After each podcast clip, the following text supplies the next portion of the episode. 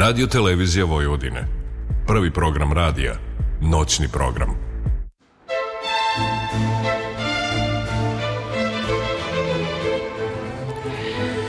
Dobro noć, poštovani slušalci. Ponoć je i 5 minuta, 28. decembar, još malo i nekoliko dana, tačnije još tri, ispratit ćemo i ovu 2022. Stalno mislimo u 2020. kako će biti bolja ova ili sledeća. Ne znam kada će se to baš desiti, ali nada umre poslednja, tako da ćemo se i dalje nadati.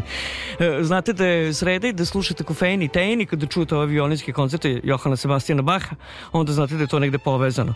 E, večeras ćemo pričati o vrlo važnim stvarima o kojima se mi, reći ću srednja generacija koju samoj pripadam, jako, jako plašimo a to je negde digitalni svet, a to je onaj svet koji ne možemo da zamislimo, a to je stvarnost koja nam se sve više i više bliži, a mi se nekako opiramo, mada ne bi trebalo. On izgleda sve više i više plastično, ali da kažem i jednostavnije sa nama će biti večeras Aleksandar Radokin i pričat ćemo o jednoj divnoj digitalnoj marketičkoj agenciji. Znam da ne razumete ništa ko ni ja sad, ali on će nam objasniti to večeras, koja se zove Homepage i čemu se u stvari to bavi jedna digitalna marketička agencija, ali sve naravno nakon jedne muzičke numere u Novom Sadu je tačno da vidimo koliko trenutno stepeni, tačno je 3 stepena, pa dobro, i nije loše za novu godinu. Ostanite sa nama, ovo je Kofein i Tein, noći program prvog programa Radija.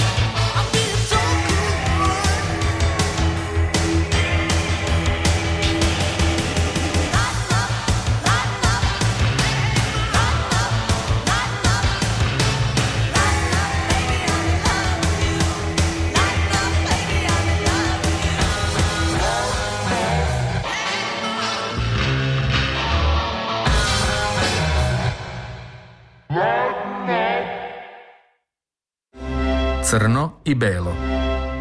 Kofein i tej. Crno i belo je sigurno sam da neće biti samo tako.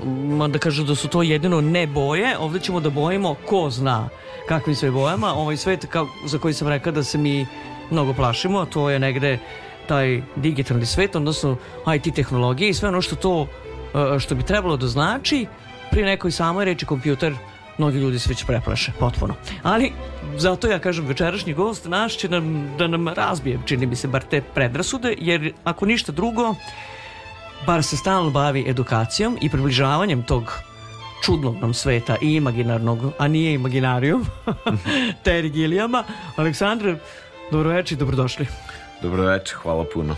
E, ja rekoh da, da se trudite stalno od kada ste počeli sa svojom agencijom, a to je sad gotovo već više od 12 godina negde, ja? Ulazimo u 12. lagano. 12.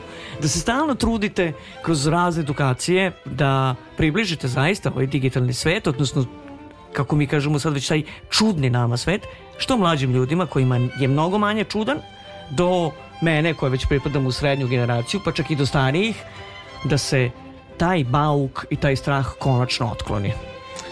Pa nema tu straha, ovaj, mislim realno digitalni marketing nije ništa drugo do, do, do redovan marketing i sve to što mi radimo realno je već neko odavno izmislio i plasirao. Tu se samo neka forma promenila realno i ti neki prodajni levci i to sve što mi nešto radimo. To je sve neko ispričao odavno. Samo sad nešto komuniciramo preko tog nekog famoznog interneta i, i, i nisu više zastupljeni neki kanali komunikacije koji su bili zastupljeni pre možda 20, 30 ili 40 godina. Ali na kraju dana a, sve te peterne, te šeme kojima se mi krećemo, sve je to i dalje isto i tu nema neke velike promene. Realno, digitalni marketing, ok, odigrava se na internetu i to možda nekome deluje zastrašujuće zato što jednostavno se nije možda dovoljno duboko udubio u celu tu priču, a kad nešto ne znamo, mi imamo strah od toga. I onda kad imamo strah, automatski bežimo od toga i, i ono, ovaj, frka nam i smatramo to nekim baukom. Ja sam se hiljadu puta susretao sa takvim stvarima u svojoj karijeri i, i, i mi smo pokrenuli homepage kao digitalnu marketinšku agenciju. A, prva stvar koju smo trebali da radimo je da kreiramo potrebu tržišta za nama. Ljudi nisu shvatili da postoji uopšte potreba da se angažuje neka digitalna marketinška agencija. U to vreme je bilo vrlo jednostavno e, marketing menadžerima u velikim kompanijama, velikim srednjim kompanijama, to je ono bilo ok, koliko košta sekunda, koliko košta ovaj, sekunda na TV-u, radio, reklama, e, koliko kilo billboarda i svega toga i tu su već bile neke uštaljene, u, ustaljene šeme i, i to je već negde funkcionisalo. I onda smo došli mi onako pali s Marsa kompletno i kao šta sad ovi hoće i šta je to sad ovo što oni nama nude, mi nemamo pojma i naravno ljudima je bila frkica i za njihova radna mesta i, i, i da će neko njima da pomeri nešto i onda smo mi shvatili da ne možemo mi tek tako da upadnemo ko komandosi i da razvalimo sve to i onda smo malo krenuli da taktički da, da objašnjavamo jer eto ovaj, ja kao ajde da kažem tipičan prerodnjak matematičar koji je sa nekog inženjerskog fakulteta zamalo završio isti taj a, uleteo u celu priču marketinga ovaj, i celu priču komunikacija Ovako, meni je bilo čudno, su mislio kao, pa come on, imamo nešto i sad ćemo mi to da plasiramo, postoji potreba za tim, ali ne može to baš tako lako. Ima sam tu sreću da, da, da, da, da je tu bilo ekipe koja je rekla, ej, čekaj, sad povuci ručno i idemo iz početka ajde sad stisni reset, ne može to baš tako kako ti misliš. I eto kažem, mi smo pre nekih 12 godina krenuli da pričamo priču digitalnog marketinga, krenuli da pričamo priču interneta, šta je to sve, šta mi možemo da uradimo na internetu, e, da pričamo da smo mi IT, a u stvari mi nismo IT, mi smo u stvari klasični marketari gde mi faktički primenjujemo IT tehnologiju uh -huh. u službi marketinga, mi smo klasični komunikatori, mi se bavimo advertisingom, mi ne zakupljujemo billboarde, ali zakupljujemo oglasni prostor na internetu. Vrlo je jednostavno, treba se uvatiti u koštac.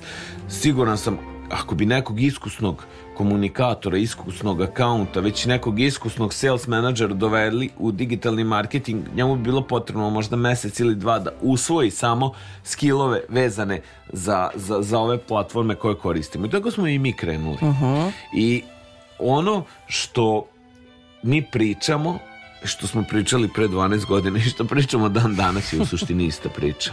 Ona je malo evoluirala, neke promene su se desile, negde smo mi postali svesniji a, našeg prisustva na internetu, negde smo postali svesniji moći interneta, postali svesni da su nam generalno na internetu, ajde da kažem, startne pozicije iste i da možda taj sadržaj koji mi plasiramo u startu može da napravi razliku i zato imamo sad te neke influencere koji su od nule napravili nešto jako zanimljivo uh -huh. i njih prate milioni i milioni ljudi samo zato što je njihov sadržaj ono što oni pričaju drugačiji od nekog drugog sadržaja ili intrigira neki određeni broj ljudi. Tako da, ovaj, generalno, evo kažem, e, naš posao je vrlo težak, ja kažem, nekih 100 metara feeda, ono nas scrollujemo na dnevnom nivou i sve to. I kako sad naša poruka baš da iskoči tu? E, pa to je ta cela priča koliko je bitno da taj sadržaj bude zanimljiv, a opet da on funkcioniše u sprezi sa svim ostalim vidovima marketinga. Znači, mi uopšte ne ekskludujemo, ne isključujemo niti billboarde, niti TV reklame, niti radio. Sve je to u suštini nek integrisani pristup marketinškim kampanjama gde svi mi faktički radimo zajedno. Internet je definitivno nešto gde mi po 3-4 sata dnevno što otpadamo, što dolazimo da pokupimo neke informacije, da se informišemo, čak i učimo, a opet na kraju dana neko i živi od istog tog interneta i sve više i više ljudi živi od tog interneta, tako da neminovno je da je on tu kod nas, neminovno je da će on i dalje biti kod nas, evoluirat će, dolazi nam, sad je web 2.0, pa nam dolazi web 3.0, pa hoćemo na blockchain tehnologiju, pa hoćemo na ovo, hoćemo na onu. Znači, tu se sad menjaju neke tehnologije, menjaju se neki ovaj, načini kako to u pozadini radi. Ali ovo što je ispred i ova sva komunikacija i ovo sve šta mi radimo i od čega mi živimo u front endu onome ispred što vidimo ti i ja da. je i dalje ono staro. Da, da, da. Samo to treba objasniti sve. Apsolutno. Ali dobro, evo, sad ta priča o, o, o tom plasiranju proizvoda, da ga tako nazovem, na, na, na internetu je krenula u stvari od nekog sajta koji si ti zamislili muzika deo tvog života i to Absolutno. je nemeno neodvojivi deo tvoje persone i ti si krenuo u stvari sa pričama o rock sastavima, jer te to uvek zanimao rock and roll i onda si razmišljao kako u stvari da još, još približiš i još više u stvari raširiš vidljivost tih svojih tekstova. Tako je, tako je. Ove, ovaj, ja sam negde krenuo još dok je MySpace bio mainstream, ovaj, sad Ovaj, verujem da naših slušalaca ima raznoraznih godišta, tako da verujem da se i sećaju MySpace-a.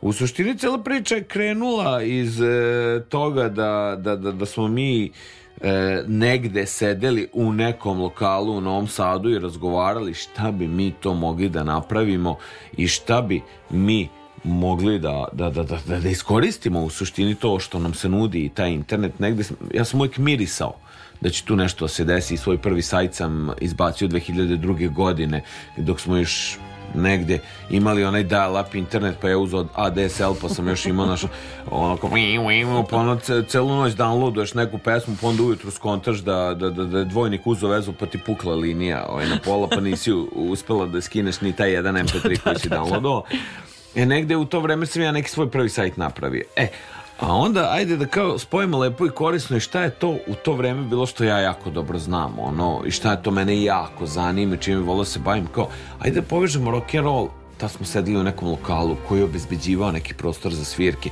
gde su neki bendovi dolazili, svirali, malo je bilo i ovih poznatijih bendova, bilo je i demo bendova, i on kao, pa da, mi u stvari treba da napravimo neki portal koji će da uvezuje rock bendove i prostore za svirke. I tu je nastala rockserbia.net i to je neki moj prvi projekat davne kraj 2006. 2007. godine gde smo mi napravili jedan sajt koji je a, imao različite profile bendova, profile prostora za svirku, gde smo mi pisali reportaže sa koncerata, fotografisali iste te koncerte, čak je tu bio i Bane Lokner koji je pisao recenzije albuma, uh -huh. ovaj, žirirali po različitim rock festivalima, onako prilično je to lepo funkcionisalo i onda je bila moja ideja, ok, ajde sad vidim kako ćemo mi da promovišemo to da ljudi dođu od nas stvarno na taj sajt, imamo dobar proizvod, imamo dobar sadržaj koji plasiramo na tom internetu koji je tad bio džau bau, ali se negde krenula vrteti priča i onda sam ja faktički skontao kako da promovišem svoj proizvod na MySpace-u. I MySpace je bio malo rogobatan, malo si morala da znaš i PHP-a, yes. malo si zna, morala si malo kodirati da bi namincala onu fotografiju i sve to, ok, sve to Google tad radio, pa ono kod iskopiraš, pa vidiš što kažeš, teluješ. Ovaj, mnogim programerima je to bilo ono kao početno kodiranje na MySpace-u.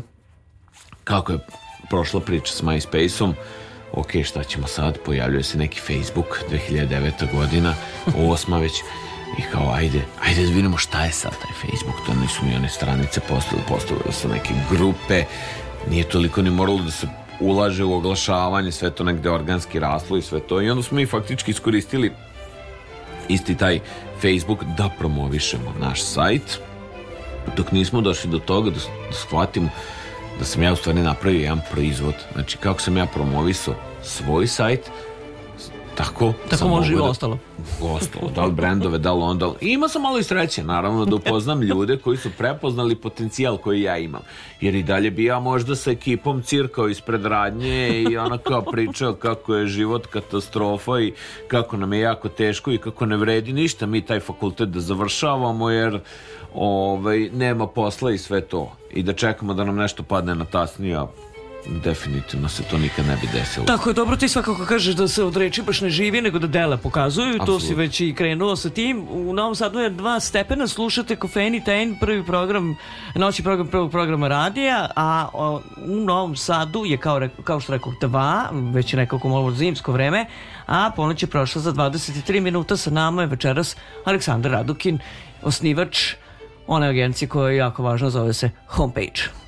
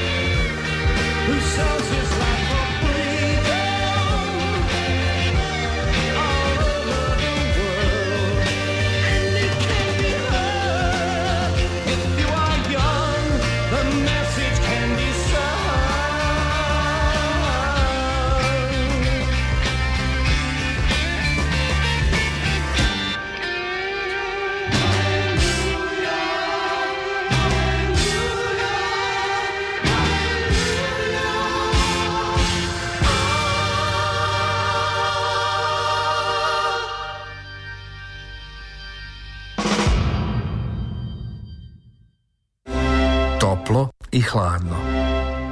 Kofein i tej. Tamo smo negde u rock fazonu, vidiš, potpuno, kao da smo... Apsolutno. potpuno smo se dogovorili da slušamo, da slušamo rock and roll, ono, u fazonu, zato što si ti tu. Uh, negde 83. rođen, to moram da kažem, ali e, stalno se razmišljao o tome kako su delovi Novog Sada u stvari drugačiji i imaš ti tu negde tu dobru analizu svih delova grada. Ti si negde odrastao na bulevaru Oslobođenja, a onda si postao limanac. Tako je. i znaš da uvek postoje neke kao ratovi, u stvari to su negde mitovi legendi. Detalinera i limanca kao ne vole, u stvari se vole najviše, samo što neće to da priznaju, ali nije ni važno. Sad, tu negde sad kao limanac, a živeo se na bulevaru, jer se to nešto menja. Da li, da li misliš da i dalje Novi Sad ima taj svoj stari duh? Da se zna ko je sa limana, ko je sa podbare, ko je. Ha? Aj, ovaj, odlično, odlično. Pa, ovaj, mislim, sada, to je, u ovom momentu limanci su i dalje vrlo, vrlo su ovaj, zatvoreni. Oni kažu ti si limanac i dalje me nisu prihvatili da sam limanac. Nema veze, hvala vam.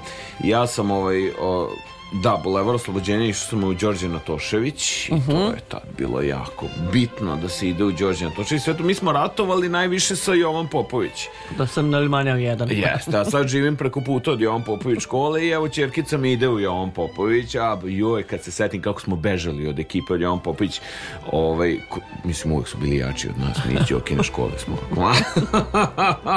Ali sam jako ponosan što, na primjer, u Đokinu, a i u Jovan Popović, uopšte nije bilo dizela u ono vreme. A, Znači, svi smo mi bili punkeri, svi smo mi furali ovaj, džins, svi smo mi furali starki, furali kombatice. Mislim, što ekipa kaže fajerke, mi smo uvijek pričali kombatice i nisu martinke, nek su martine, jel? To se samo u Novom Sadu govori. Yes, Više samo fajer, znači samo kombat i jakna je samo u Novom Sadu. Jeste, To, je, to jeste, nije ni mit ni legenda, to je istina. Tako je.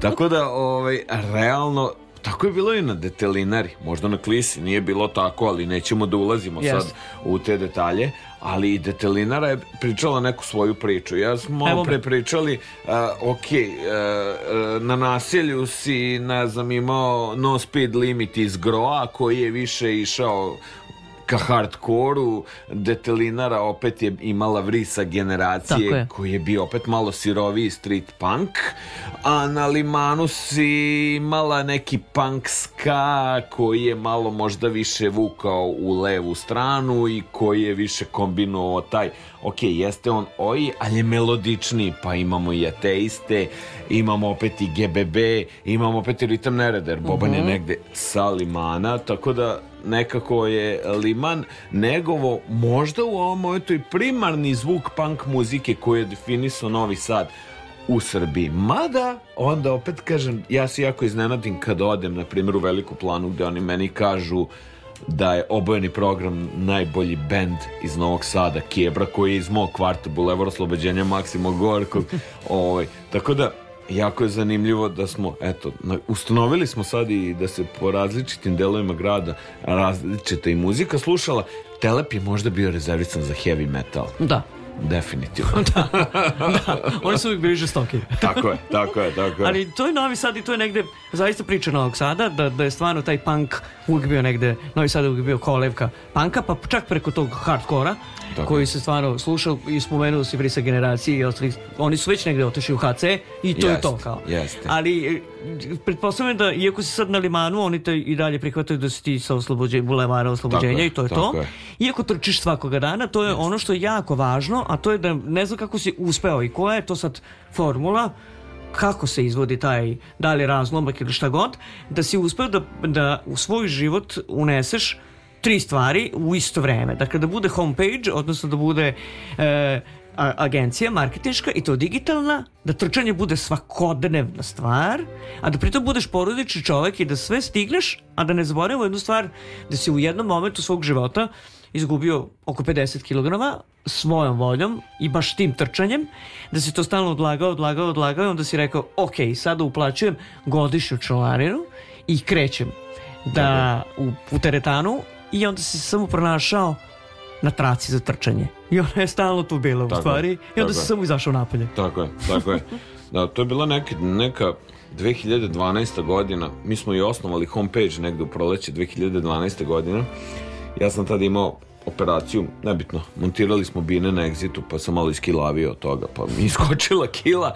Ovaj, I negde meni tu tad internista rekao, slušaj, malo si mastan. Imaš ti sad već 29 godina, ošti s 35 da završiš na likovima za srce. I vas tu kaže, šta priča ovaj mislim. Ali negdje to meni kliknulo i kako sam se ja oporavio te operacije, ja sam tokom tog leta 2012. godine i upisao ovaj, teretanu i krenuo polako da šetam na traci i sve to.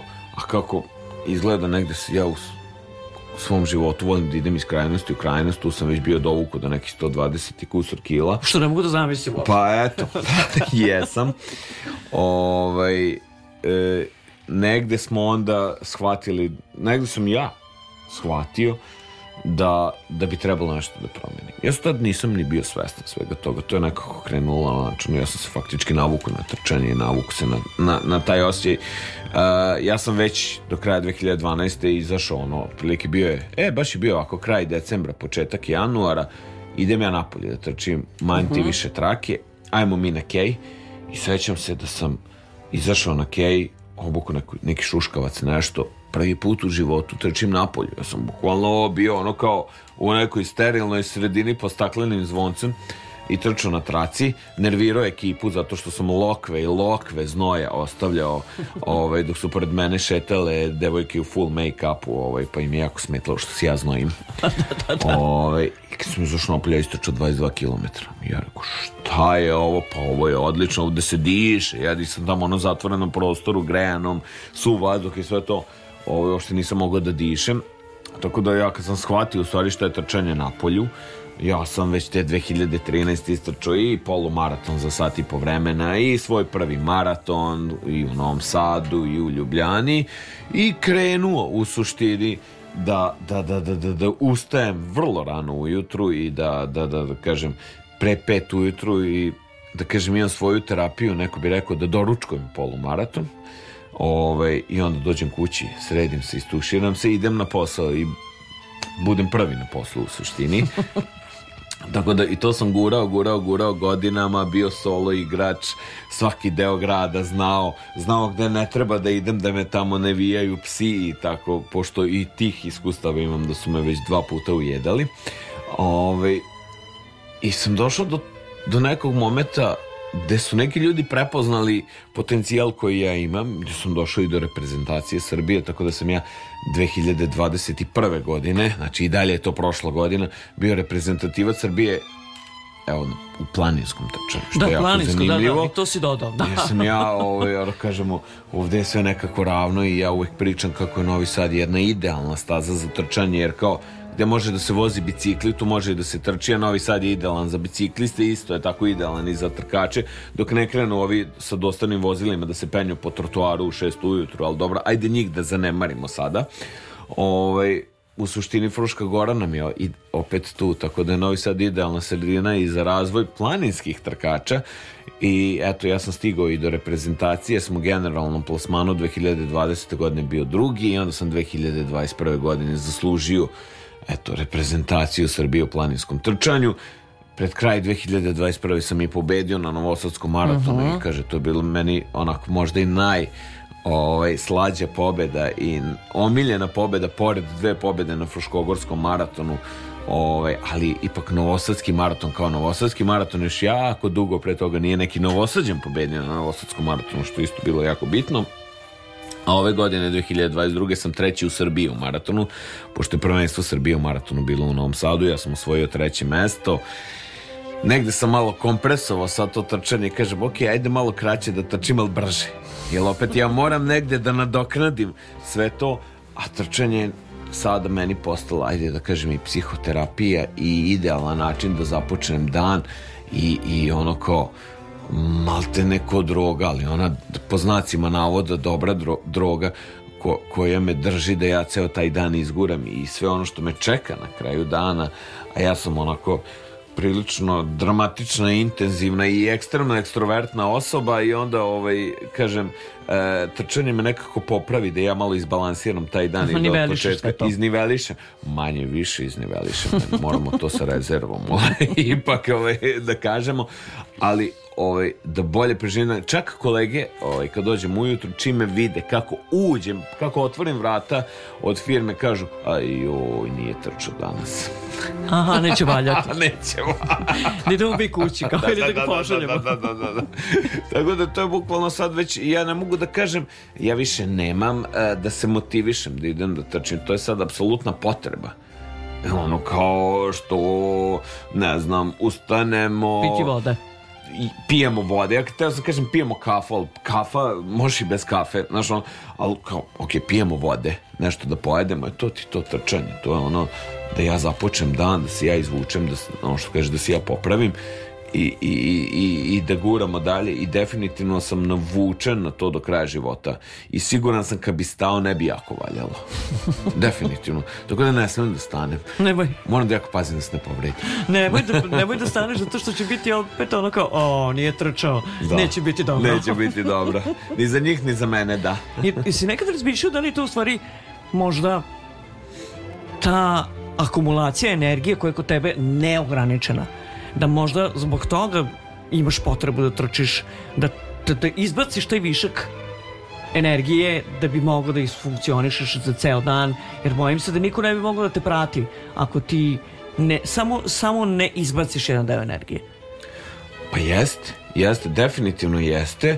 E sad, znaš kako, ali sad tu, tu sad dolazi do jednog problema što ja izbacim deo energije, ali onda organizam, čoveči organizam je čudo.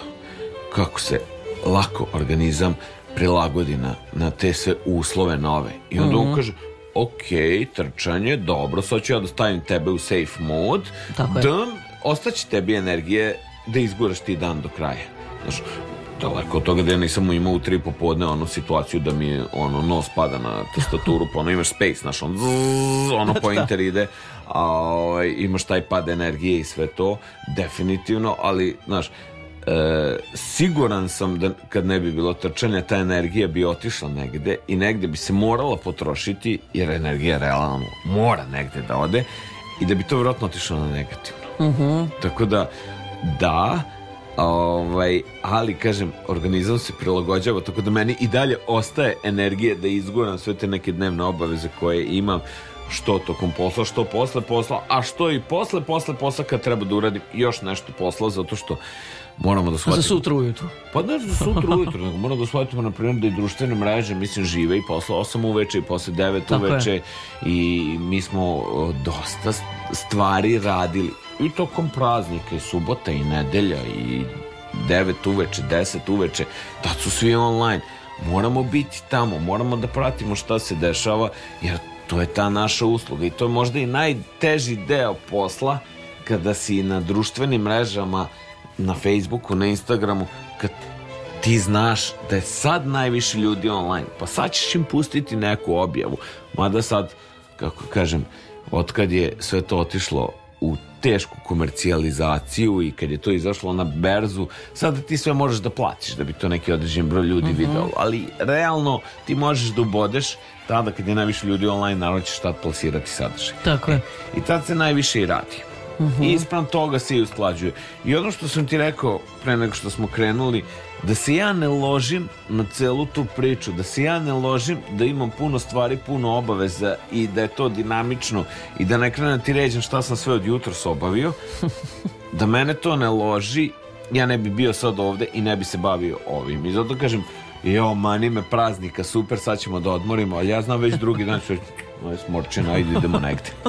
Ajmo da trčimo. da, idemo da trčimo. Dobro, trčimo Još jednom. Pa da odemo na frušku ili negde dalje. Ali to će biti tako, pošto je mnogo to za tebe. To subota, nedelja, ponedeljak, utorak, mnogo tumač. za tebe. Ne, ne, ne, ne, ne, nećeš ti to moći da izdržiš uopšte.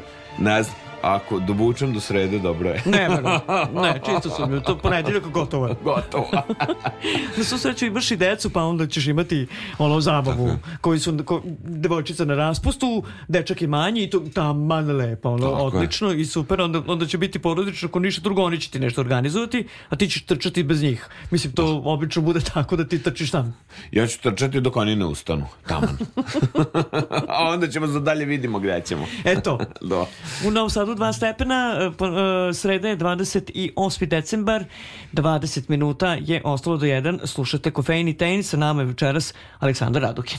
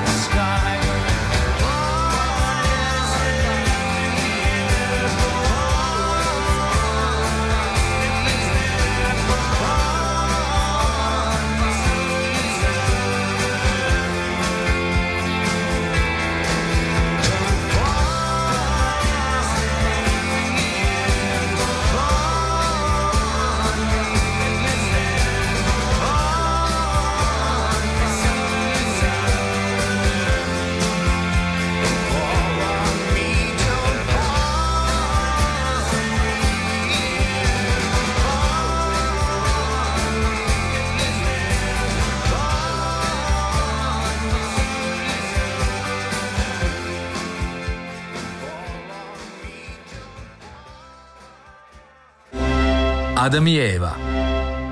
Kofein i Tein. Kofein i Tein je sreda 28. decembar sa nama Aleksandar Radukin. Aleksandre, je- odgovorno tvrdiš negde da možda samo 1% novosađena redovno trči.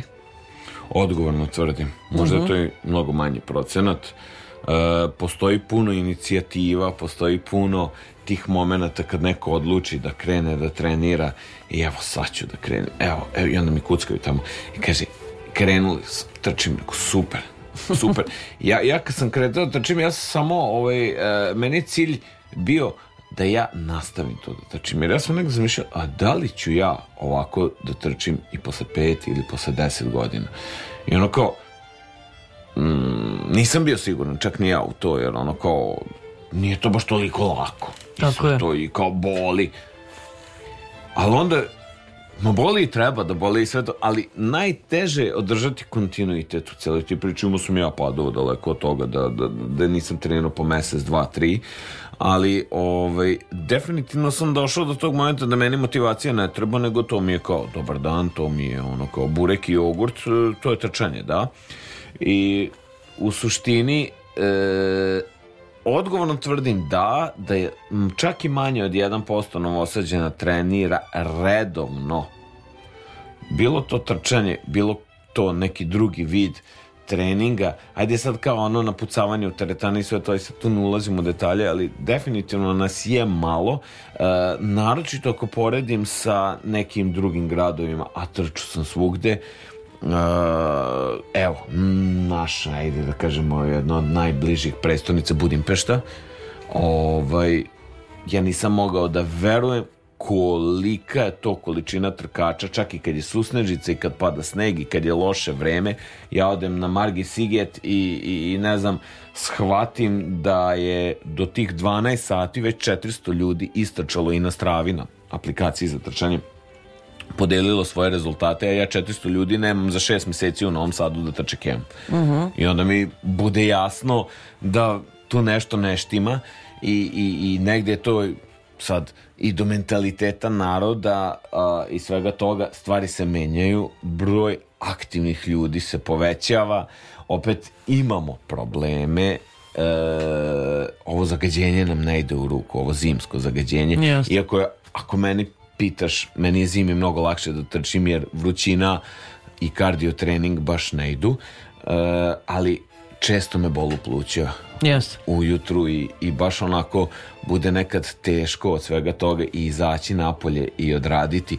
Teško je kad je mrak, sad ti da izađeš iz ono što Pa sad je mrak, da. tople ušuška ispod Jorgan planine da izađeš i da kreneš da trčiš jer mrak je u 7.15 i dalje mrak. Jeste. I go, "S- kako, je, kako ti sebe da natraš da izađeš negde, da ti se nigde nećeš da dižeš jorgan, boli te uvo. E, ja to sve razumem, ali kažem, e, mislim da je trčanje najbolja možda prevencija nekih različitih bolesti, a naročito onih bolesti od kojih mi ovde na ovim prostorima oboljevamo, a pričam na primjer o srčanim problemima i svemu tome, definitivno e, ja vidim po sebi koliko sam zdraviji i koliko u suštini e, sve to utiče na mene. A na kraju dana kad staviš na papir i ono kao podvučeš i vidiš kao super ono ja sistem košta mnogo manje samo zato što trčim.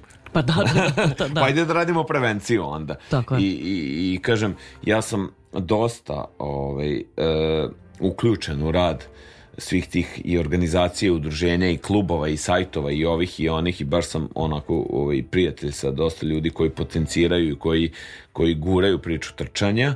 A, ono gde sam prepoznao sebe i gde sam prepoznao gde ja mogu da dam nešto je definitivno naša lokalna manifestacija i naša najdugovečnija manifestacija, to je Fruškogorski maraton. I Pa ja da. sam u organizacionom odboru Fruškogorskog maratona, našem Nenadu Sudarovu, pomažem direktoru Fruškogorskog maratona da napravimo od toga manifestaciju onako kako treba to da bude. I, i Fruška Gora nam je tu pred nosom, evo mi sad ovde sedimo s druge strane. Dunava. I sad kažem ovaj, e, koliko je odavde Fruška Gora? Početak nacionalnog parka s ove sremske strane gde mi sad sedimo je možda na 5 km a evo sad ja sam preko puta tačno preko puta od ovaj od televizije, radio televizije Novi Sad, Da. radio televizije Vojvodine, to jest, i kažem, eto, od mog stana na Limanu 2 do, do Fruške gore 8 km. Ja nekad uzmem pa krenem da trčim, pređem most Slobode, popnem se preko glavice do, do, do, do, do Tornja, do, do Astala, do, do, do, do spomenika Sloboda i vratim se nazad. Da, Iz svog stana, bukvalno. da.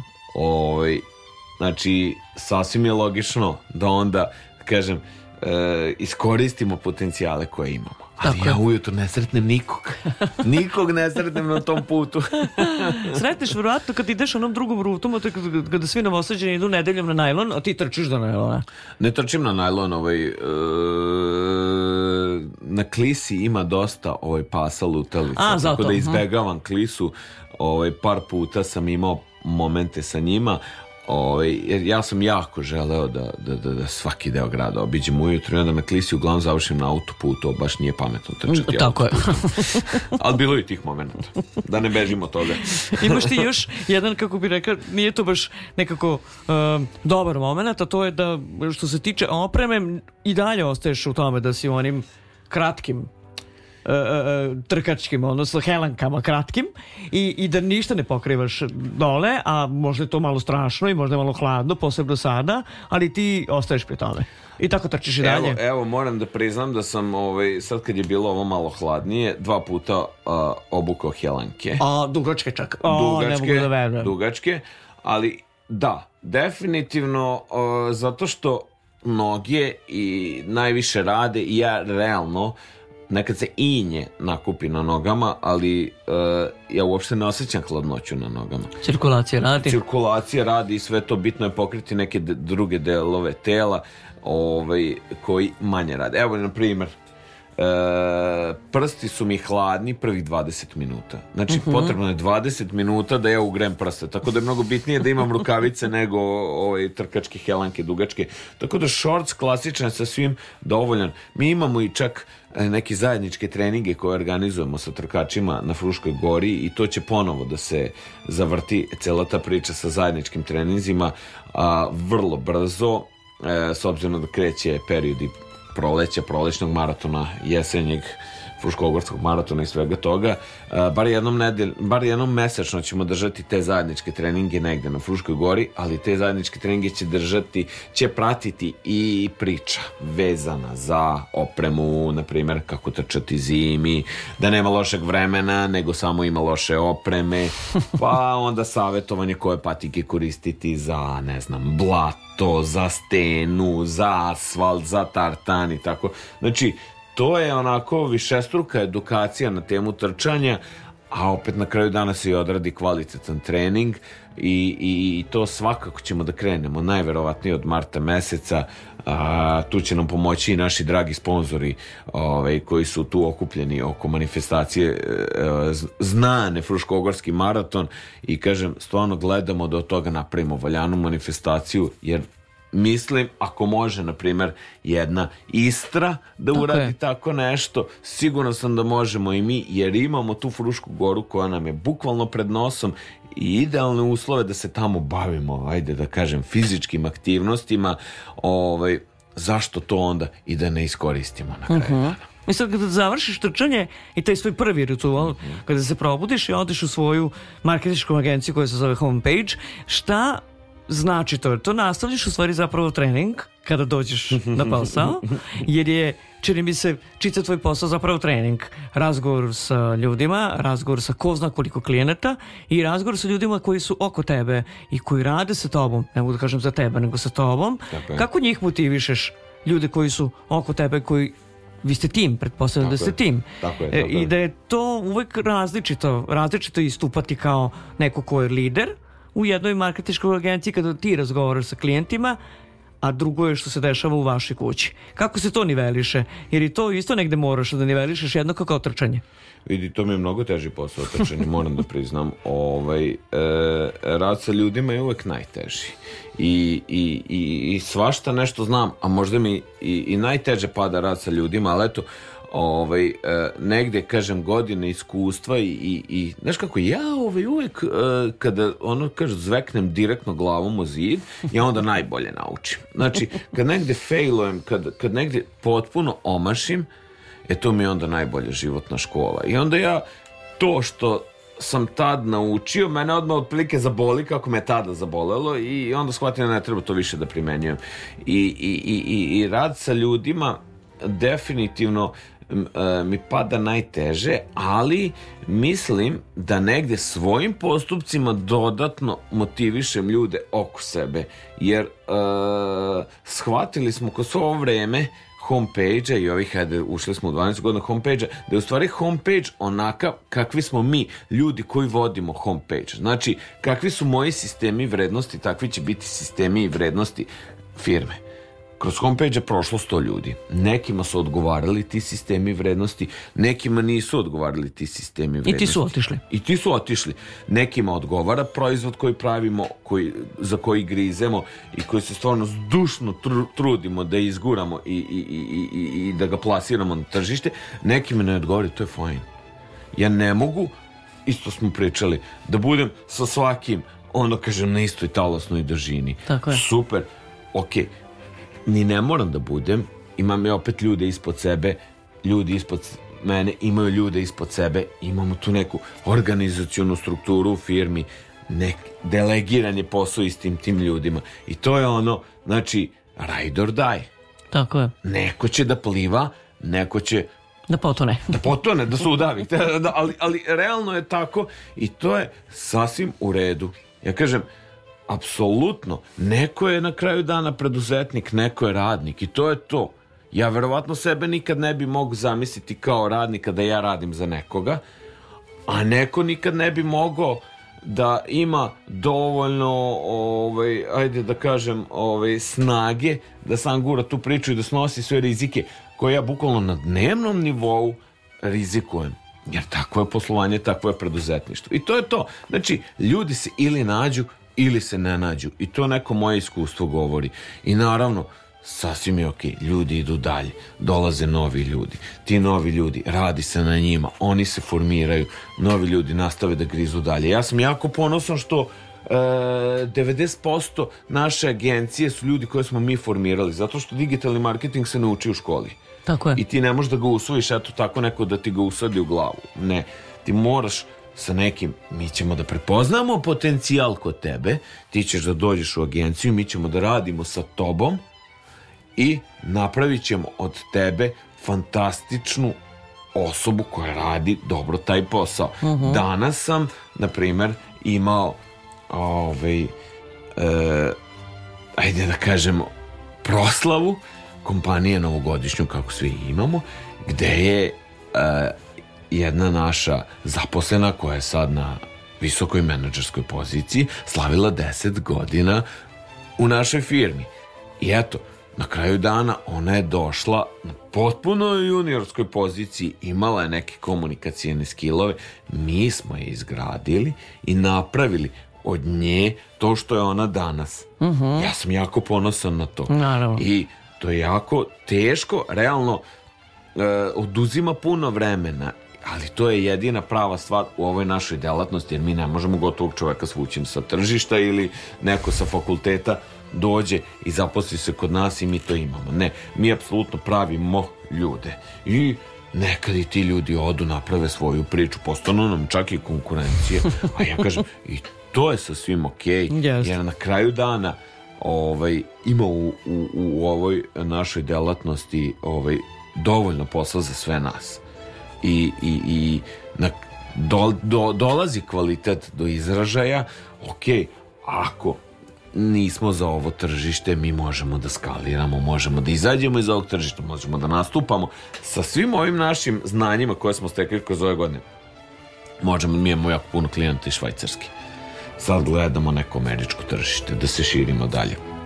Mi apsolutno sve ovo možemo da skaliramo u inostranstvu, jer sve ovo što smo mi kroz sve ove godine rada sa velikim i srednjim klijentima u Srbiji stekli i sva znanja koje smo mi osvojili, apsolutno mi to možemo da primenimo na bilo koju državu u svetu i našu uslugu možemo da plasiramo bilo gde. Dobro da ti je neko rekao pre 12 godina da će u stvari homepage postati jedna od vodećih marketičkih agencija, da li bi verovao u to? Teško. Teško. Ne bi, ver, verovatno ne bi verovao, zato sam i sad jako obazriv kad pričam o nekim planovima za budućnost, jer ono kao u fazonu, pazi šta želiš. Ovaj, Možda ti se i ostvari. Možda ti se i ostvari, kao što sam rekao i malo pre, ko, ko bi rekao da bi ja sad već 10 godina trčao u prvoj godini da mi rekao, e, da samo probaš i do godine da trčiš i ti si super. A evo ja trčim već 10 godina. Šta se može kad se hoće? Sve se može kad se hoće, tako je. Tako. Malo treba i luda glava pride, ali dobro, to je to. Ali nema veze, neka to bude ta prva pogretačka, sve se može kad se hoće, Tako onaj ko hoće nađe način, a onaj ko neće nađe izgovor. A tako? I to- izgovor, jao, ako ne nađe on izgovor, naćemo okolina izgovor. U Novom Sadu i dalje dva stepena, e, jedan sat je tačno, 28. decembar je sreda sa nama, ove noći u kafeinu i tinu, Aleksandar Radokin. Close your eyes and I'll kiss you.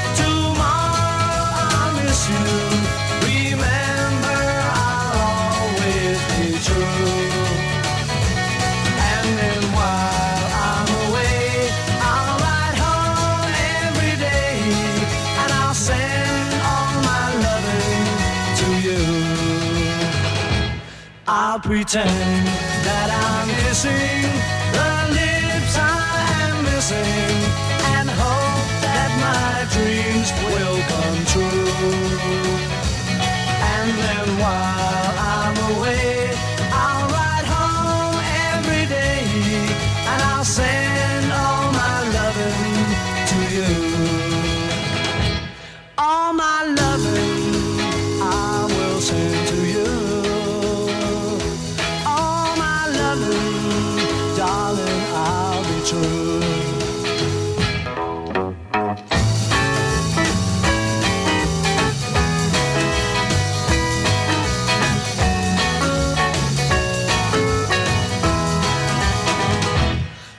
Your eyes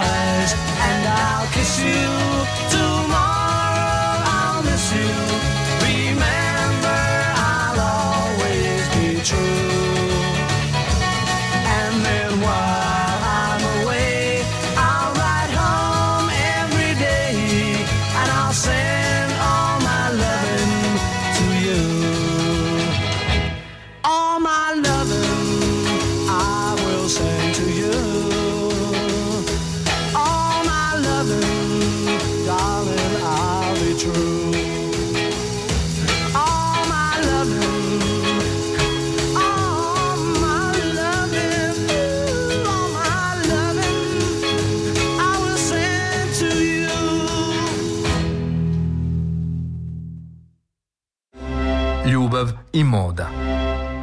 Kofein i tej.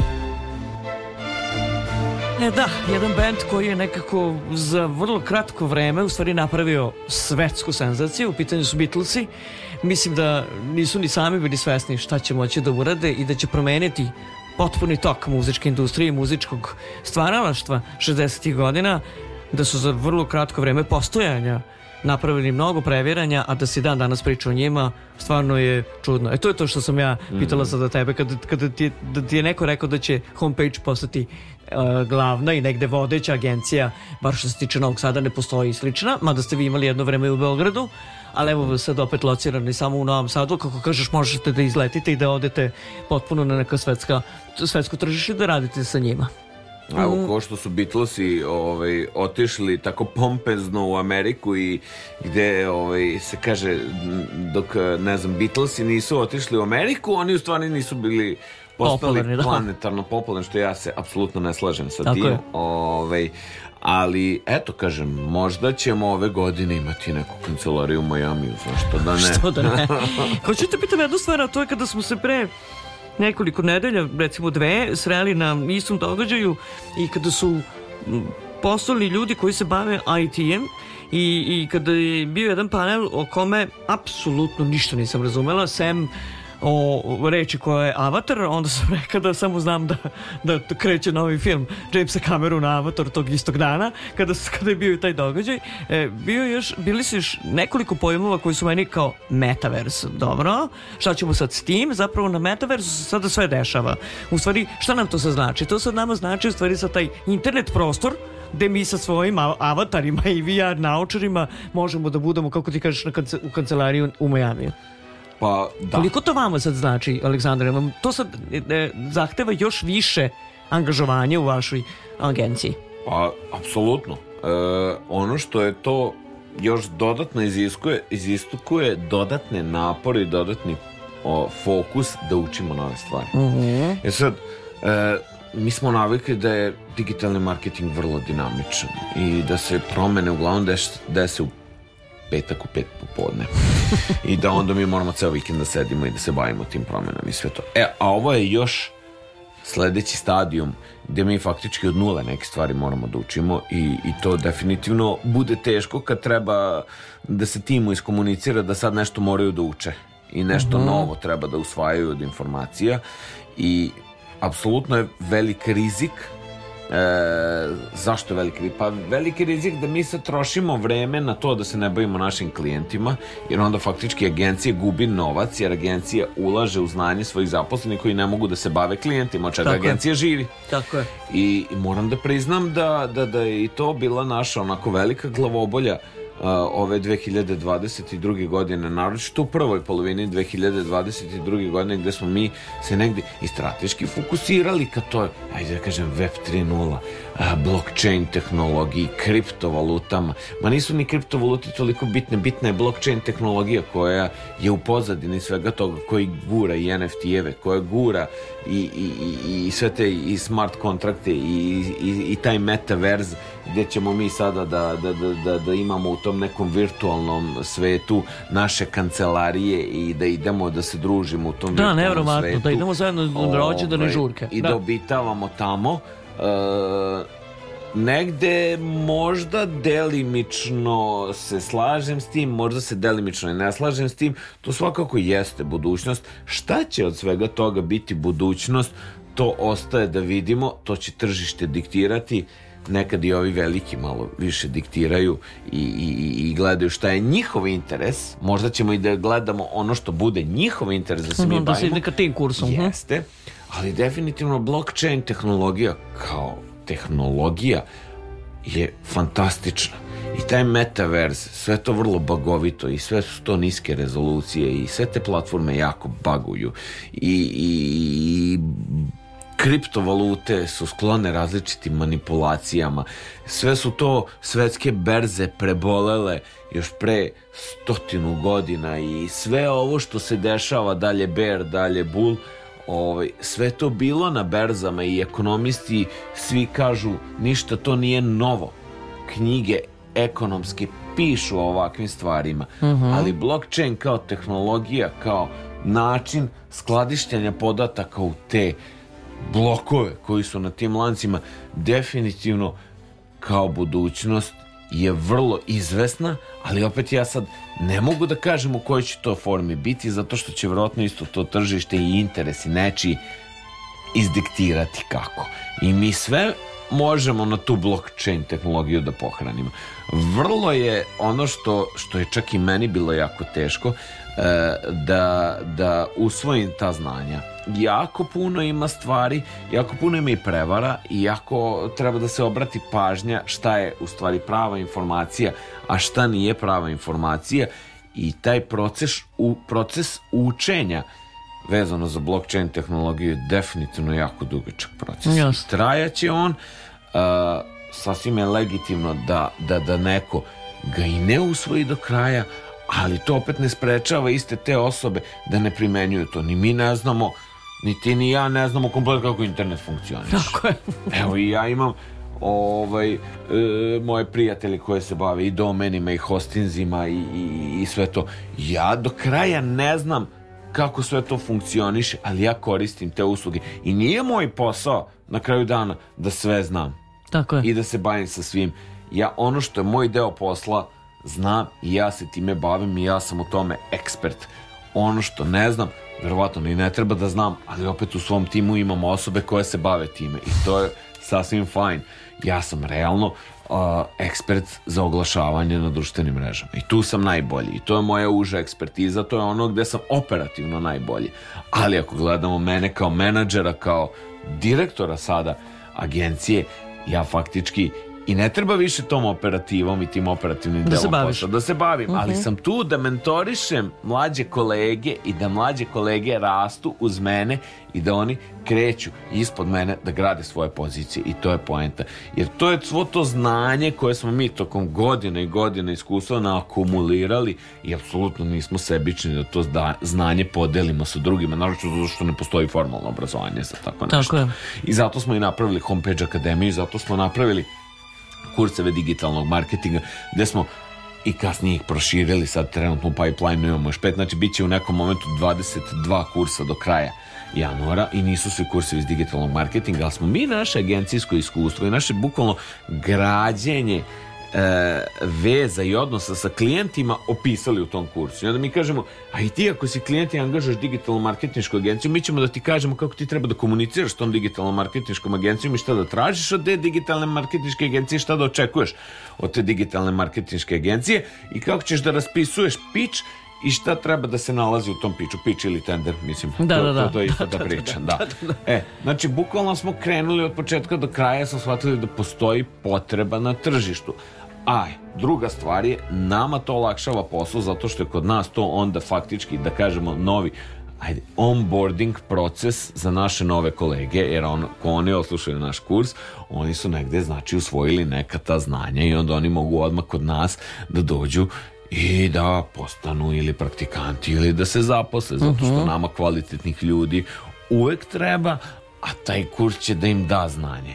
Jasno. Tako da to jeste jedna ideja da mi nama pravimo, da kažem, po znacima navoda, nove kolege i da se novi eksperti grade uz naša znanja. Mi njima damo znanje, a oni na osnovu naših znanja i iskustava grade sobstveno. Ajde Tako je, nagrađuju sami sebe, i da. iskustvo. I Tako to je. je to.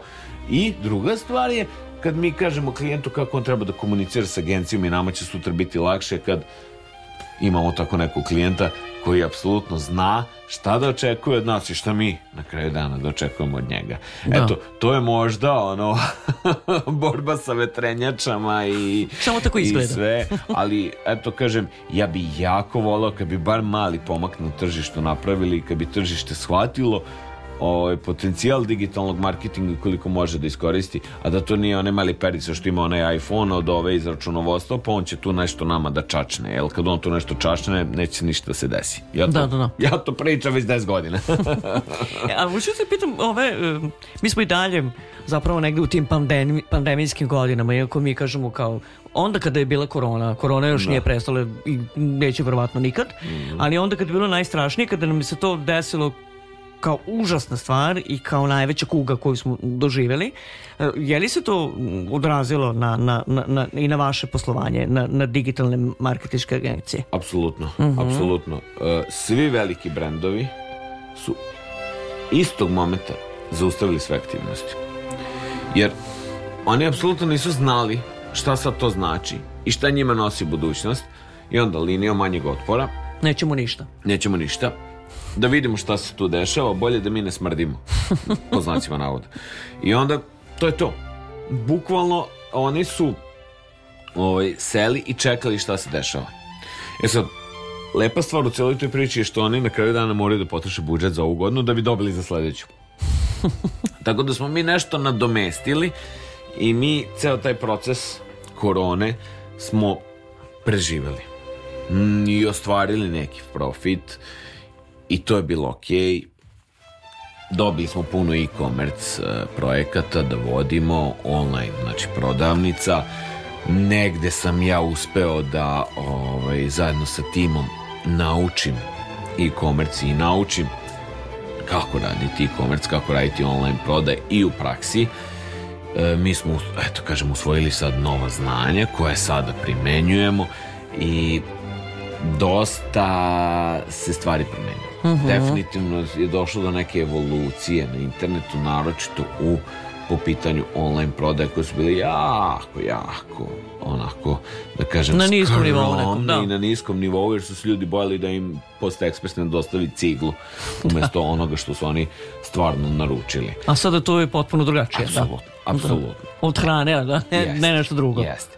Ono što je mnogo veća briga trenutno je situacija a, gdje se najavljuje ekonomska kriza, gdje je jako sad neizvesno šta će se desiti, da li će balon da pukne, da li u stvari balon uopšte postoji ili ovo ili ono. Da, da bi je uopšte ikada bilo. Jeste. I nama je to sad jako teško da, da, da, da, da, da apsolutno pravimo bilo kakvo biznis planiranje. Negde mi bi sad volili da znamo da neke ciljeve zabodemo za sledeće tri godine, ali ja apsolutno ne znam šta će da se desi. Ići će to od godine do godine, čini mi se. Morat će od godine do Od- godine, Sad smo se naučili. Sad smo se tako naučili. Ali nema veze. Ali preživjeli smo u svakom slučaju i ja mislim da, da smo usvojili neka nova znanja i stekli neka nova iskustva koji nas opet čine jačim na kraju dana. Tako je. Malo sad slušamo muzike, opet, e, naravno, to je nekako najbolje uvek. To je sastavni deo tvog života i mog. Onda Apsolutno. nam to nikada neće smetati. 1 sat i 15 minuta je sa nama Aleksandar Radukin. Slušate Kofein i Tein. Shadow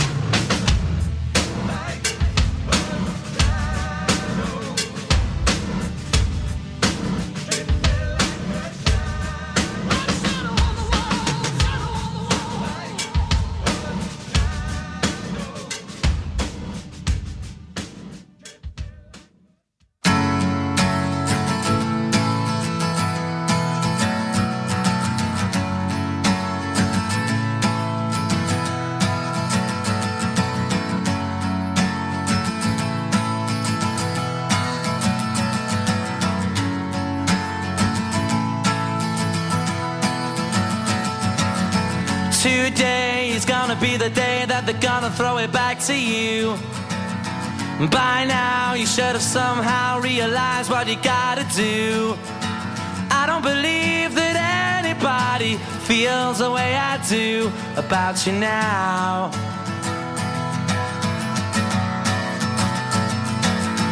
Backbeat, the word is on the street that the fire in your heart is out.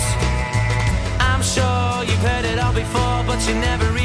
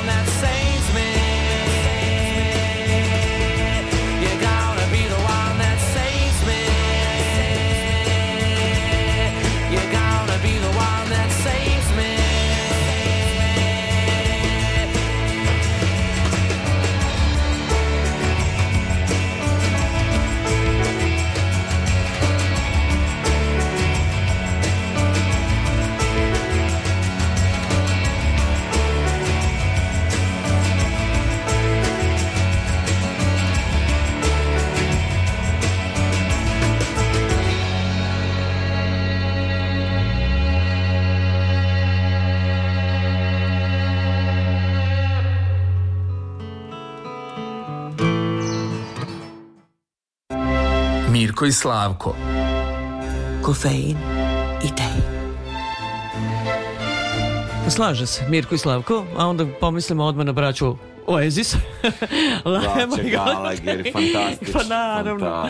Naši braća Gallagher koji stvarno jesu negde kao Mirko i Slavko i stalno se negde raspravljaju i stalno se Da. negde svađaju i stalno negde je došlo do raspada grupe baš zbog njih dvojice.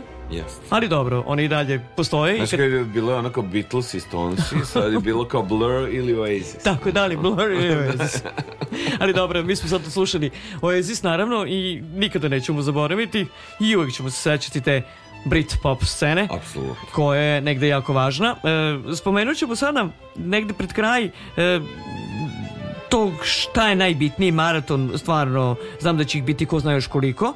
Za 10 godina ih je bilo ko zna koliko. Mislim da ti je jako važno to što si osvojio sad treće mesto, naravno. A da si i negde novosađanin koji je pobedio na novosadskom maratonu, da je to još veća negde kolajna, odnosno medalja. Jo, kako smo užasni mi novosećani po tom pitanju. Ja ne znam, mislim da smo najgori. Pa dobro da, Ali dobro, to je okej. Mislim, takvi To smo mi. Jes, to smo mi. To smo mi, tako ćemo se voleti bez obzira što, su, što smo takvi. Ali evo sad da te pitam što se tiče, naravno planovi, o planovima, mislim da je potpuno nepotrebno i čini mi se da je sada krajnje e, neoprezno, a možda čak i negde nadobudno govoriti o planovima u ova nesigurna vremena. ali da li možeš da zamisliš samo šta će da se desi u prvim mesecima 2023. Da li se toga plašiš ili ne? Ili misliš da će se i dalje nastaviti ovaj tempo koji nekako je nekako krenuo ipak nakon ove korone, najstrašnijeg stvara, stvari covida, da se ipak stvari pokreću i da se i dalje okreće, iako se okretalo stalno, nama se činilo da ne. Da li se ipak nešto dešava ili se plaši šta će možda nositi 2023. što se tiče e, tvog delovanja i digitalnih marketinških agencija? Pa znaš kako to je sad ono use u svoje kljuse. E, ovaj, sprem stvari koje sam uspeo da uradim u zadnjih par meseci, jedva čekam prvi kvartal sledeće godine. E, naravno, jako sam oprezan s obzirom da je januar u marketingu jako nezgodan. Prvo, pola januara se ništa ne dešava, svi su negde, svi otputuju. E, brendovi štede budžete pa secnu ceo januar i onda oni faktički godina im je 11 meseci, a ne 12. Tako je krenuo od februara. Jeste. Moji troškovi u januaru su isti kao i što su bili u decembru i u novembru. Ovaj, mi svesno pravimo biznis planiranja znajući da će januar biti takav kakav je. A ispram poteza onda opet koje sam ja uradio i što smo u suštini napravili a, tokom zadnja, uglavnom najviše u zadnje četiri meseca e, jako sam sretan i jedva čekam da vidim šta će se sve to dešavati u januaru, u februaru i koliko ćemo ubirati plodove našeg rada i svega onoga što smo proaktivno radili i delovali da bi na kraju prvi kvartal, kvartal 2023. godine bio dobar. Jer uvek je naša misija, mi ćemo u novembru, u decembru uvek napraviti profit. Tada marketinške kampanje gore. Ne znam, u novembru imamo Black Friday, ovam, onom, onom, decembru vreme poklanjanja, praznici, tu se troše ogromni budžeti, ali taj Q1 je uvek najizazovniji. To je januar. To je taj januar koga prati neki februar koji traje četiri nedelje. Da. A opet i njega plaćaš kao svih onih 31 dan i ta tri dana mnogo znače. Ali mislim, mislim da će biti skroz ok i, i bukvalno jedva čekam jer e, veliki projekti su najavi, veliki projekti treba da se dese, tako da optimistički sam raspoložen ovaj, negde je i tim i, i, i postavka svega vrlo ovaj, smo motivisani da guramo dalje i da se bavimo onim što najbolje znamo. Da ne šaramo puno, da budemo fokusirani na to, da budemo fokusirani na taj neki proizvod koji smo mi izgradili i koji guramo i dalje i da kažem, hajde da radimo ono što znamo najbolje da radimo i da, ajde bar u tom prvom kvartalu pokušamo da to što kaže najbolje naplatimo na kraju dana, a otvaraju se i neka nova partnerstva, jer uvek kada praviš tu neku priču, kad te ljudi prepoznaju u zajednici i, i, i, i, i sve to, otvaraju se konstantno nove prilike. Neki su prilike za nas, neke prilike ni, nisu za nas, ja se nadam nekim prilikama i u pregovorima sam za neke stvari, tako da moram priznati, iako nas čeka definitivno teško vreme, svi to kažu, moram priznati da, da sam ja blago optimističan zato što ono, to je nama naša borba dala. Tako je. Jel Onda smatraš tebe nekada, nekada motivacionim govornikom. Pa smatram, smatram. E, e, ja inače e, sam prilično namrgođen lik. Često sam negativan, veliki sam bukačija, umem i da se posvađam, naročito u saobraćaju. I ovaj, e, ko me onako površno poznaje, verovatno misli, jo, majko mila, ovaj namrgođeni bukađija. Ali na kraju dana ovaj, mislim da sam dobar motivacijani govornik, zato što ja nekako uvek iskreno kažem, onako na keca, ja uvek reagujem na keca i ja ništa tu ne maskiram i, i ne sakrivam.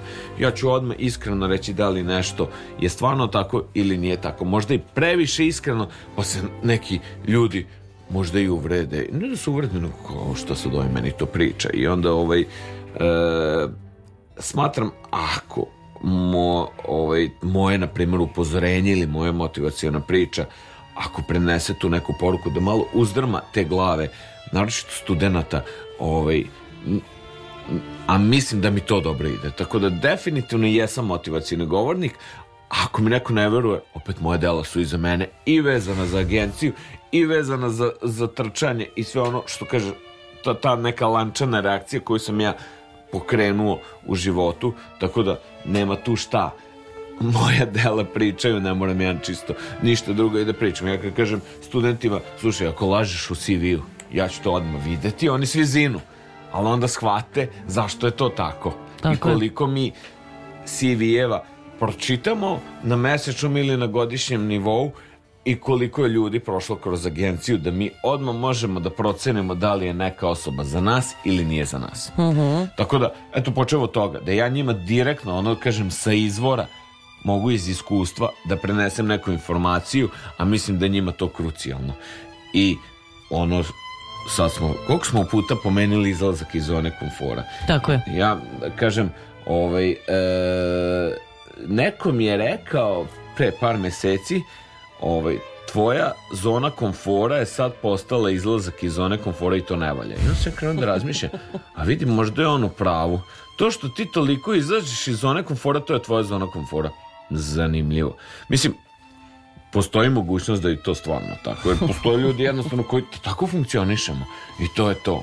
Ovaj, ali kažem, definitivno e, treba izlaziti iz te zone komfora. Tako. I, a ne treba možda i odmah ciljati Mount Everest, nego ajde kreni ove male vrhove pride da osvajaš, podeli to Pa na neke mikrodelove, pa ćeš stići, lagano, korak po korak. Ja nisam osoba koja ide korak po korak, ja bi odmah sve, ali negdje ja moram uz velike napore sebi, jer ja sam sam sebi najveći neprijatelj. Mnogo se ja svađam sa sobom u glavi u celom ovom procesu i sve to, što ja prvi hoću odmah na Mount Everest, a ne može to tako. I onda ja prvi moram sebe da ono, kažem, zauzdam i da vučem, kaže, ej, polako, polako, polako, polako, ajmo korak po korak i sve to nemoj ništa da forsiraš, nemoj ništa na silu. I onda ja opet tu idem protiv sebe na kraju dana.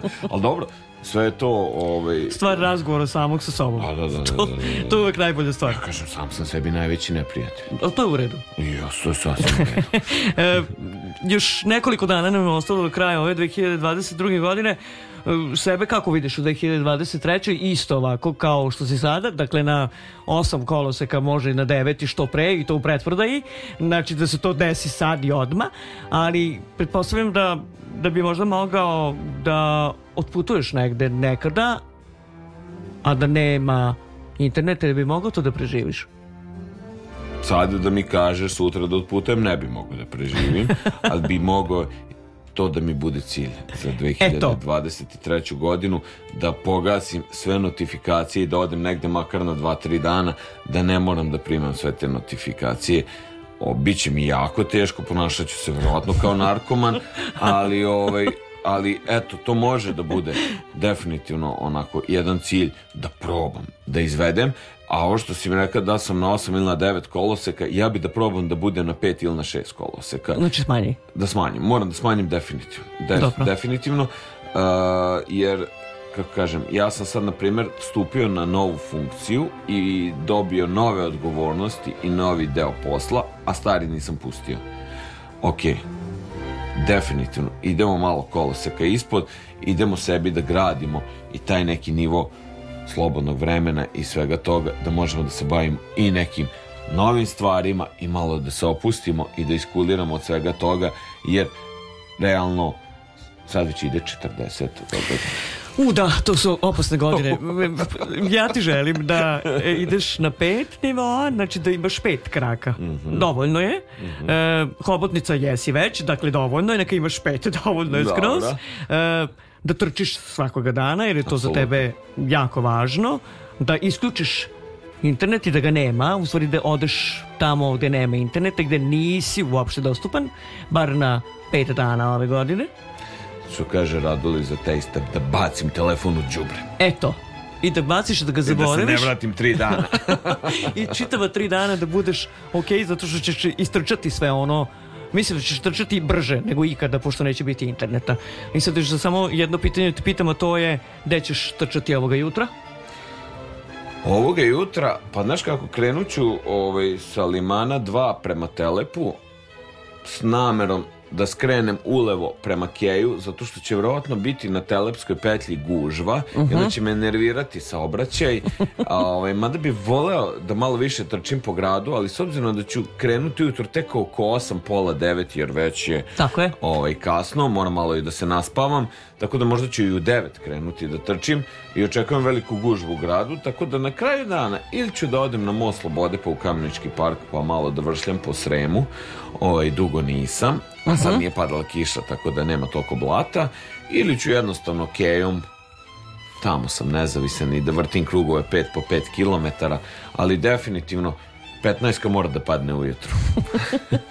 Hvala ti mnogo što si izdvojio vreme. Znamo da je tvoj dan ne ispunjen od minuta do minuta, nego bi ti trebalo još 24 sata za sve ono što hoćeš da uradiš, ali evo rekli smo, moraš da se učiš u 2023. samo malo smanjenju i malo smir, smiraju, pošto i sam kažeš 40 je, a ti si nam jedan od, pri, jedan od primjera da se može sve. Postoji još jedan divan čovjek kojeg ja jako volim, koji je moj veliki prijatelj, to je Miloš Safrenović, koji je istu stvar uradio kao ti. Dakle, za, jed, za jedno leto, za jedan letnji raspust je skinuo skoro 50 kg kao i ti i odlučio da bude plesač iako se niko tome nije nadao i uspeo da uradi sve ono što je hteo tako si uradio i ti za ovakve ljude treba stvarno e, imati samo reči hvala uvek zato ti hvala još jednom i srećna ti 2023. i neka bude onako kako ti hoćeš jer bolje ne može Hvala ti puno, Vesna. Eto, i ja tebi želim sve najbolje u, u, u 2023. Ovaj, nisam dobar s ovim zdravicama i sve to, ali ovaj, ne treba. definitivno, ja kažem, hajde da uzmemo tu 23. i da pokidamo. A svake godine pokidamo, zašto ne bi pokidali i ove godine? Na kraju dana ovaj, od nas zavisi. tako je i ni, od nijekog drugog Apsolutno. Ove noći sa nama u kafinu i tejunu bio Aleksandar Radukin, e, direktor i osnivač e, marketinške agencije, i to digitalne marketinške agencije Homepage i čuli smo šta Aleksandar Radukin sve jeste. Možda bi moglo da bude i manje, ali njemu se dopada baš ovako. Wants is all she.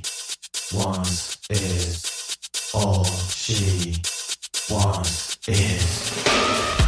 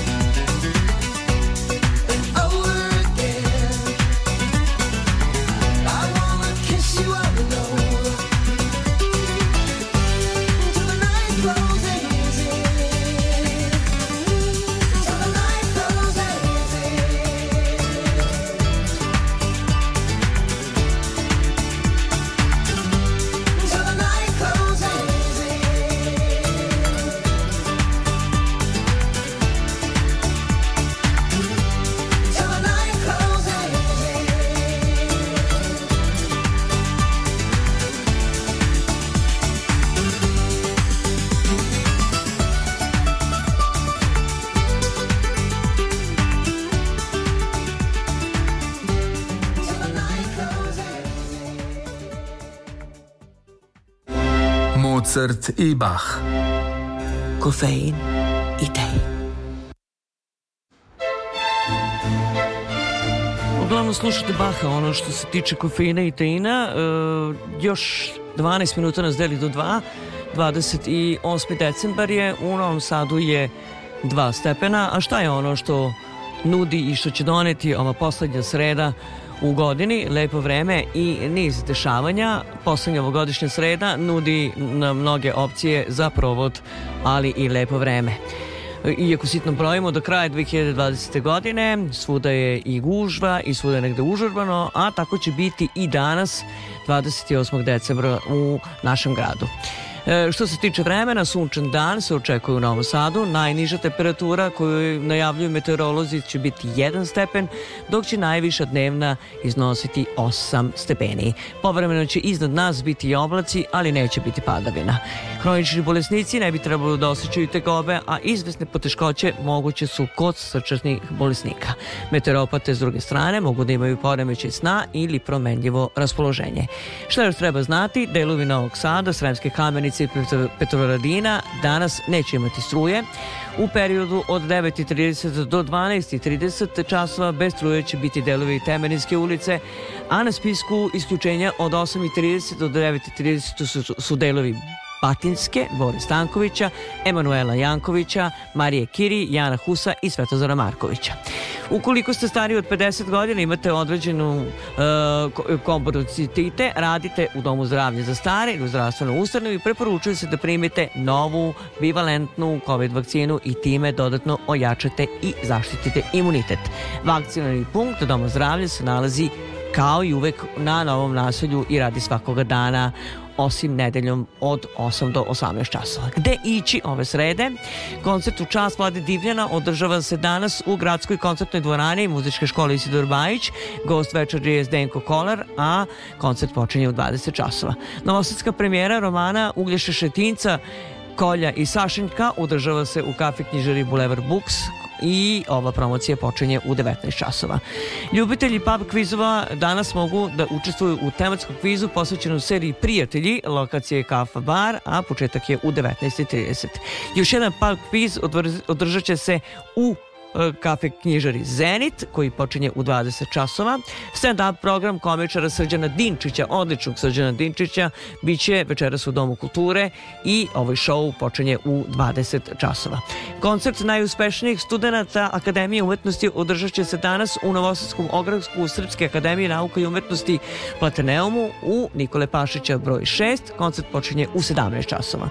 U toku je i e, 21.114 film fest na Novom naselju koji traje do petka na ukup- ukupno 8 lokacija u, gra, u kvartu.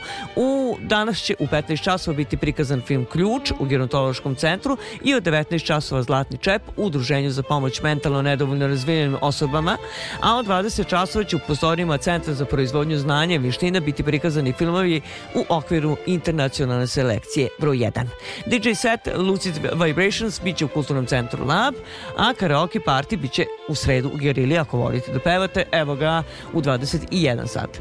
Liber Canto Tango Ensemble, vrlo, vrlo ans- zanimljiv ansambl koji se bavi tango muzikom, održat će večeras u sinagogi koncert od 20 časova. Promocija kalendara Almaško oko i jednodnevna izložba pod nazivom Fasade Almaškog kraja biće održana danas u Svilari, događaj počinje u 18 časova. Mislim da će biti teško odabrati, a možda uspete da odete i na događaj ili dva, ko to zna, ako se dobro organizujete, kako kaže naš večerašnji gost Aleksandar Radukin, ako se dobro organizujete, možete mnogo toga. Toliko od e, dešavanja što se tiče srede, znamo da će nam biti lepo vreme i da će tako biti čak i za novu godinu, negde koliko sam shvatila, 1. januar ćemo dočekati sa 14 stepeni, 13-14 stepeni u plusu, baš u ono vreme kada budemo slušali e, nastup i kada slušam, budemo slušali poznati bečki koncert negde oko podneva, bit će tamo to neko prolećne vreme. Neka nas to uopšte ne, ne, ne zbuni, zima je tu i još uvek može da pokaže dobrano svoje zube, ne, ne znamo čak da li to može da se desi u martu i vrlo pervertljivo jedno godišnje doba. Znamo samo da treba da vam se zahvalimo na pažnji, na ukazanu poverenju i da ostanete iz dalje uz program Radio Televizije Vojvodine.